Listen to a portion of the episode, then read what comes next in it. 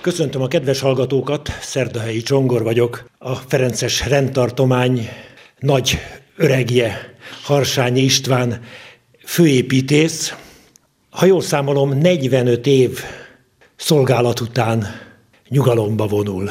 Valóságos intézmény István bátyám, és nem az első munkahelye volt a Ferences rendtartomány. 56 táján még egyetemista volt, de hát végig dolgozta 20. század utolsó négy évtizedét mindenképpen, és a 21. század első két évtizedét. Ebből elsősorban az utolsó 45 évre lennék kíváncsi, vagyis 1975-től a magyarországi ferencesek a látókörödben vannak. Milyen volt akkor a rendtartomány, hogyha összeveted azzal, amit ma látunk, kedves István bátyám? Hogy nézett akkor ki, amikor te föllettél kérve a ferenceseknek egyenlőre még más munkáid mellett, hogy segítsd őket az akkori lehetséges gyarapodásokban? A kezdeti években lényegében ma ezt pártállamnak mondják, időszaka volt, ahol minden dicsőséget jelentett, csak az egyháznak dolgozni nem jelentette. De én Pasaréten éltem, laktam, és ott kértek meg, hogy segítsek a templom homlokzat felújításában, és ezt meg is tettem, de ott is ragadtam, és a legkülönfélébb szerzetes rend épületeit érintő munkákat végeztem. Az első időszakban tulajdonképpen készültünk a ingatlanok visszavételére, ugyanis nagyszámú kolostort és templomot vettek állami tulajdonba, állami használatba, amit majd a 89-90-es években mind visszaadták a rendtartománynak, illetve jelentős részét, mert volt jó néhány ingatlan, amit nem tudott elvállalni, átvenni a rendtartomány, mert sem anyagi eszközei, sem pedig emberállományban, tehát szerzetesi állományban nem volt olyan létszám, ami belátható időn belül alkalmas lett volna arra, hogy mindezeket a templomokat, kolostorokat betöltse. Elsődlegesen a templomoknál kellett óvatosabban eljárni, hisz a templomba hívek jártak, és a híveket folyamatosan el kellett látni a hitéleti igényekkel. Ezért nagyon meg kellett fontolni a tartományfőnöknek, hogy mely templomokat veszi vissza, úgymond használatra. Nagyon bensőséges volt akkor tulajdonképpen a viszony, hisz akkor Hegedűs Kolos tartományfőnökre nehezedett az a nagy kérdés, hogy mit vegyünk vissza, milyen mértékben, és minden egyes átvételt megbeszéltünk technikailag, műszakilag, hogy, hogy célszerű ezt a vállalni. Másrésztről akkor még a szerzetesi létszám is ugye 70 főben volt korlátozva.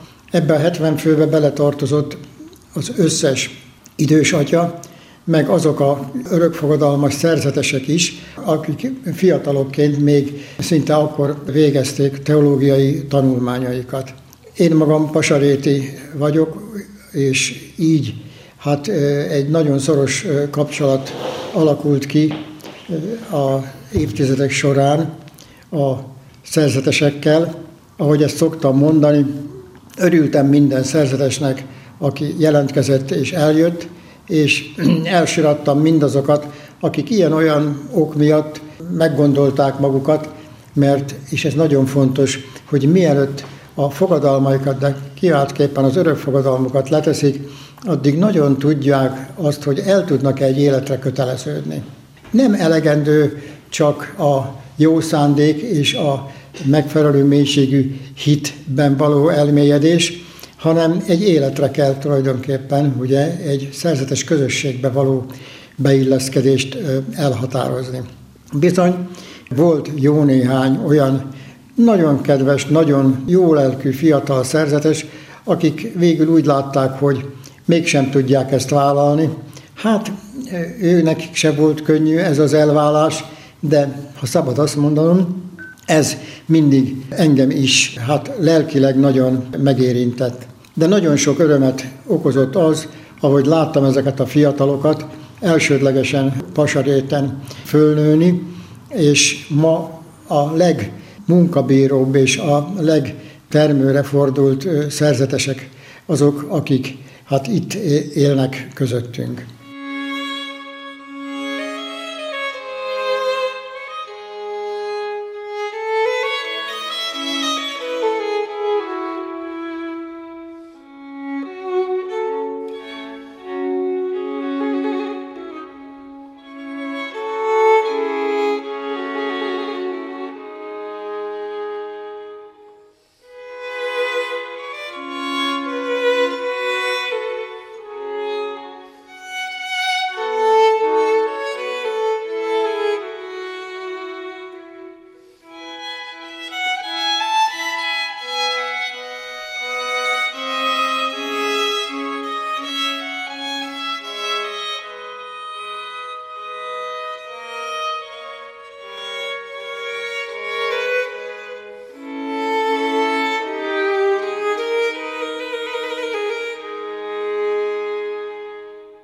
Hosszú Ferences pályafutásodat érdemes mint ahogy már jelezted is, két részre bontani, 75 és 89-90 közötti időszak. Második részében a beszélgetésünknek a 89-től az utóbbi 30 évet, bő 30 évet tekintsük át. Tehát a pártállami időszak, amikor te egyéb mérnöki munkád mellett segíted a ferenceseket, mint pasaréti hívő és építész. Igen, ez a pártállami időszak, ez nagyon érdekes időszak volt. Az volt így a Ferences körökben a mondás, hogy tesszük, amit tenni lehetett. Tehát azok a területek, ahol egyáltalán a ferencesek abban a viszonylag kis létszámban megjelenhettek, nagyon aktív és nagyon eredményes munkát végeztek, és a fő utánpótlás az tulajdonképpen a Szentendre és különösképpen az Esztergomi gimnáziumban lévő növendékek közül kerültek ki abban az időben. Érdekes módon, hogy ez a rendszerváltás után megfordult. Sokkal inkább jöttek olyan fiatalok, akik nem a Ferences gimnáziumokban működtek. Ez egy különleges és érdekes dolog, ezt, ezt úgy, úgy végig kell gondolni, hogy miként és hogy alakulhatott ki, de azt, hogy az Úr egy-egy fiatalt mikor, hogy érint meg és hogy szólítja meg, az azt kell mondanom, hogy ez egy nehezen definiálható téma. De hogy amit a Ferenceseknél meg lehetett tapasztalni, és az vonzó lehetett, az a te családod élete is mutatja, mert egyik gyermeked tagja lett örökfogadalmas Ferences szerzetesként a rendtartománynak. Igen, ez nagyon érdekes, ugye, hogy a, azok a fiatalok, diákok, akik ott nőttek föl a, akár egyik, akár másik gimnáziumban, azok megismerték a Ferences szerzeteseknek a mindennapi életét, és minden nap előforduló kis emberi gyengeségeit. És amivel nagyszerű volt, hogy tulajdonképpen azok, akik aztán közeledtek a Ferenceség felé, azok elfogadták őket, hogy ők is olyan emberek, és ugyanúgy tudnak eh, hibázni, ugyanúgy tudnak, eh, hogy mondjam, botlani, de ami a legfontosabb, hogy mindegyikben azért nagyon markánsan körbonalazódott és érezhető volt az a elkötelezettség, amivel ők tulajdonképpen vállalták a rendi hivatásukat. Tehát aki belülről ismerték meg, azok ezeket az embereket a teljes emberi valóságukban ismerték meg, és ez nagy bátorítást adott azoknak, akik gondolkodtak azon, hogy ők is belépnek a szerzetbe. Számomra mindig izgalmas volt, mert láttam, hogy hát azért sokkal többen készülnek, és sokkal, sokkal többen gondolják azt, hogy belépnek a szerzetbe, mint amik, akik ténylegesen be is lépnek. De ez egy fantasztikus, izgalmas és szép időszak, ahogy lehet látni ezt a kis vívódást, vajudást, ami kiformálja őket. Na most ez a dolog olyan, ugye, hogy a két fiam is ott mászkáltak a Pasariti templom tetején, amikor a tetőt foltozgattuk, javítgattuk, még kezdő gimnazistákként, és az, hogy a elsőszülött fiunk az szerzetes lett, azt majdnem azt kell mondanom, hogy szinte utoljára tudtuk meg a osztálytársaik szülei közül, mert már mindenki tudta, hogy Otto az Ferences lesz, hisz járt ilyen kispap edzésre a gimnáziumban is, de ez nem jutott el hozzánk olyan nagyon markáns formában, de mi nagyon örömmel vettük, amikor ő közölte azt, hogy igen, és amikor elvittem vissza úgy Esztergomba autóval, hogy hát ő most már ott marad a szerzetes jelöltek között, akkor azt mondtam neki, mindaddig, míg az örök fogadalmat nem teszed le, addig mindig nálad van a lakáskulcs, akkor jössz haza, amikor gondolod, nem fogom megkérdezni, hogy meddig maradsz. De mondom, ha leteszed az örök fogadalmat, akkor is hazajöhetsz, de csak látogatóba. És ez így van mind a mai napig, jól lehet már, azt hiszem ezüstmiséjén túl van a gyermeked rendszerváltozás táján alakult meg tulajdonképpen a tartományfőnökség. Addig is volt mindig tartományfőnök, és volt egy titkára, és volt egy aktatáska, amely a tartományi központi ügyek aktáit tartalmazta, de hát utána, ahogy említetted, az ingatlanok visszavétele, iskolák, intézmények újraindítása, stb. Tehát rengeteg új feladat érkezett. Te voltál az első állandó civil munkatársa a Ferences rendtartománynak 1990-től vagy a körükben. Igen, hát én egy nagy vállalatnál voltam irodavezető főmérnök, és amikor már túlzottan terhessé vált az, hogy elég sokat kellett főleg Szegedre utaznom, mert akkor az a kolostor felújítását irányítottam, akkor vetődött föl az a javaslat, hogy hát jöjjek el a Ferences rendhez építészként, és ezt én örömmel el is vállaltam, és ahogy az évek során egyre jöttek a újabb és újabb kolostorok, templomok, amiknek a felújításával, korszerűsítésével kellett foglalkozni, és ez egy nagyon termékeny időszak volt. Ezt én örömmel is végeztem. Lényegében egészen azt kell mondanom, szinte majdnem, hogy napjainkig, csak most már a aktív építési feladatok azok átstruktúrálódtak, mert van néhány olyan, főleg állami támogatással létesülő objektum, ami viszont olyan nagyméretű, hogy én azt egy személyben, ezt a két-három helyen folyó építést már nem is tudnám tulajdonképpen ellátni. Ezért örömmel látom, hogy vannak már olyan építészek, akik ezt nagy hozzáértéssel és odaadással tudják végezni.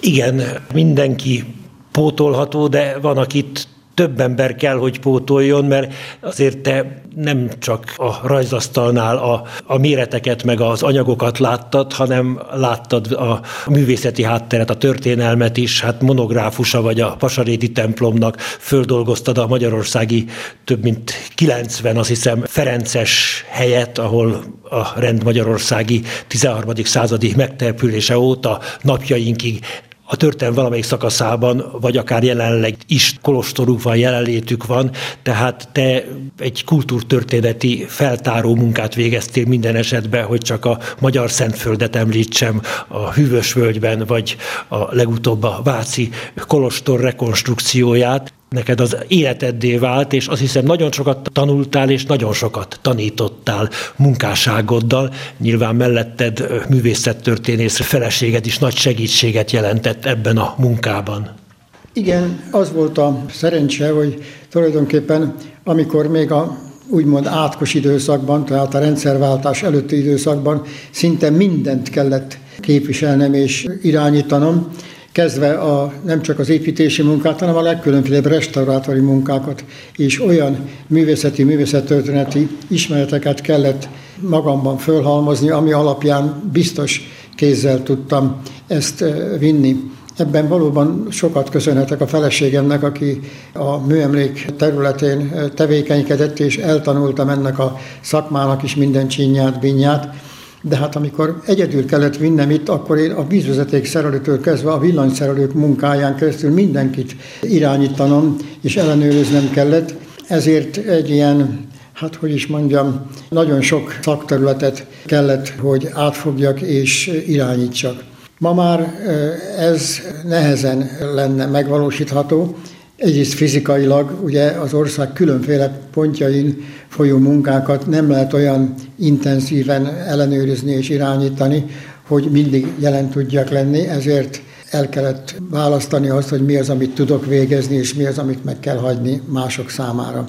De örömmel tudom mondani, hogy ez a említett 90 település, ami a mai Magyarország területén, ahol megtelepettek a ferencesek, hát ezeket én végig jártam, és összeszedtem minden olyan ismeretanyagot, akár ez legyen levéltári, vagy irattári, tervtári, amiből hát egy nagy ismerethalmazt szeretnék örökül hagyni azoknak, akik majd tovább foglalkoznak ezekkel az emlékekkel.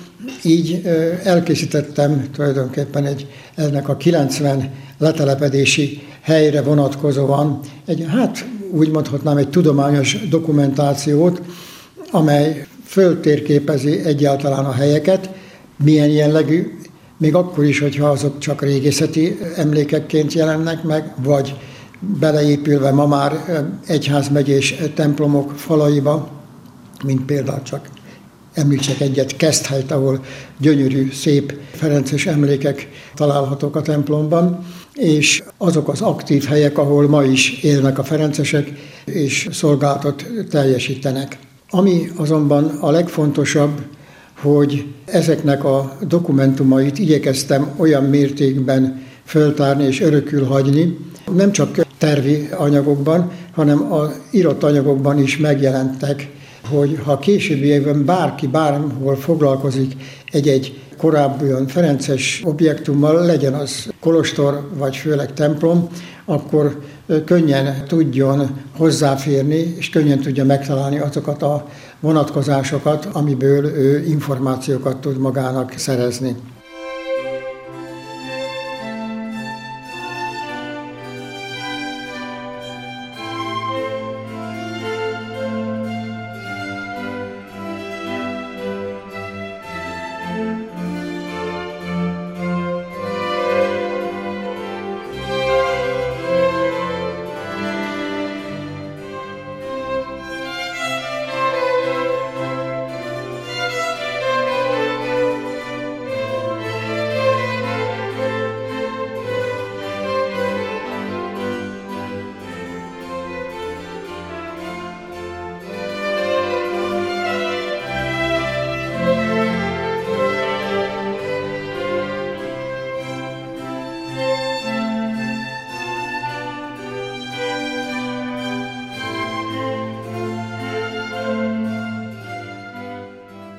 Nagyon örültem annak, hogy főleg a Szegedi Ferences templom, amivel tíz egy néhány éven keresztül foglalkoztam, sikerült megfejtenem, hogy már az 1500-as évek elején, sőt 1400-as évek végén milyen elvek szerint szerkesztették meg ezeket a csodálatos mérnöki alkotásokat, amikor még nem volt lézer, nem volt számítógép, hanem egyszerűen egy kör alapján megépített olyan boltozatrendszert hoztak létre, ahol például a templom hajónak a boltozat formája az a templom tengelyére 60 fokos szögben merőleges kör alapján szerkesztett az összes bordarács, az összes bordaelem, méghozzá ölben és római kvázi lábban, tehát 297 mm-ben.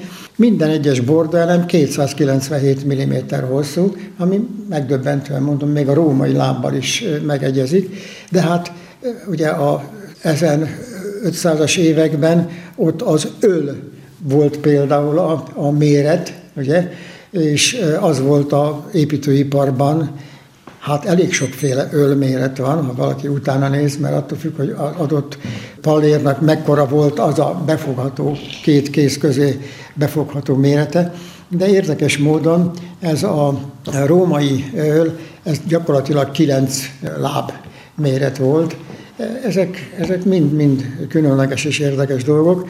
Na most ez a szegedi templomnak gyakorlatilag az egész szerkesztése, meg a borda rendszere, borda mérete, ez mind erre a római kori tulajdonképpen öl- és lábméretre alapozott, és nekem nagyon izgalmas volt, amikor pontosan geodéziailag fölmérték a templomot, minden is kiderült az, hogy minden, minden egyes építészeti méret az valamilyen öl- vagy lábméretben volt. Izgalmas, és hallgatnám sokáig ezt a tudományos kuriózummal fölérő felfedezésedet, de hát tényleg az országot, mint a tenyeredet úgy ismered, Nagykanizsától Szegedig, Gyöngyöstől Szombathelyig, vagy Bucsú Szent Lászlóig, vagy Szentkútig, tehát a ferencesek mindenhol ott voltak. Hát Szent Ferencről sok mindent tudunk, sok minden dolognak vagy foglalkozásnak lehet ő védőszentje, meg a természet, meg az állatok védőszentje, Itália védőszentje.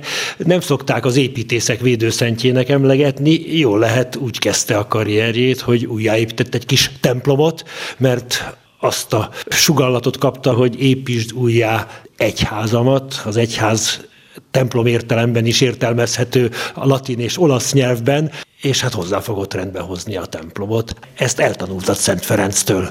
Igen, hát Szent Ferencnek a egész látásmódja és világa, ez érdekes módon inkább képletes építés volt, mert azért az Úr úgy adta neki a feladatot, hogy amikor azt mondta, hogy építs újjá az egyházamat, elsődlegesen és kifejezetten nem az épület megvédésére, újjáépítésére értelmezte, hanem a rend és az egyház szimbolikus épületének a megőrzésére és megvédésére kérte őt. Ezért gyakorlatilag, amikor az ember egy-egy egyházi, főleg templom épület felújításába kezd, akkor mindig azt próbálja, hogy mi volt az a lelkiség, amivel tulajdonképpen ezt a templomot megalkották, és arra nagyon kellett ügyelni, és kell ügyelni folyamatosan, hogy ez megőrzésre kerüljön, és átadásra az elkövetkező korok számára. Nagyon szépen köszönöm a beszélgetést, kedves István. 1975 és 2021 között szolgáltad a ferenceseket, és gondolatban ez a szolgálat tovább folyik. Köszönöm szépen. Ez való igaz, hogy ezt a szolgálatot nem lehet befejezni. Az egy más kérdés, hogy én is már a kenyerem javát megettem, de főállású építészként nem fogom már folytatni a tevékenységemet, hisz már 82-t is jól elhaladtam, úgyhogy illik lényegében ezt a munkát átadni az utánam jövőknek. Köszönöm a hallgatók figyelmét. A Ferenceseket négy és fél évtizeden át tehetséggel szolgáló Harsány Istvánnal beszélgettünk, főépítéssel, aki most karácsonytáján nyugalomba vonul. Keceli Zsuzsa zenei szerkesztő nevében is búcsúzik a szerkesztő, Szerdahelyi Csongor.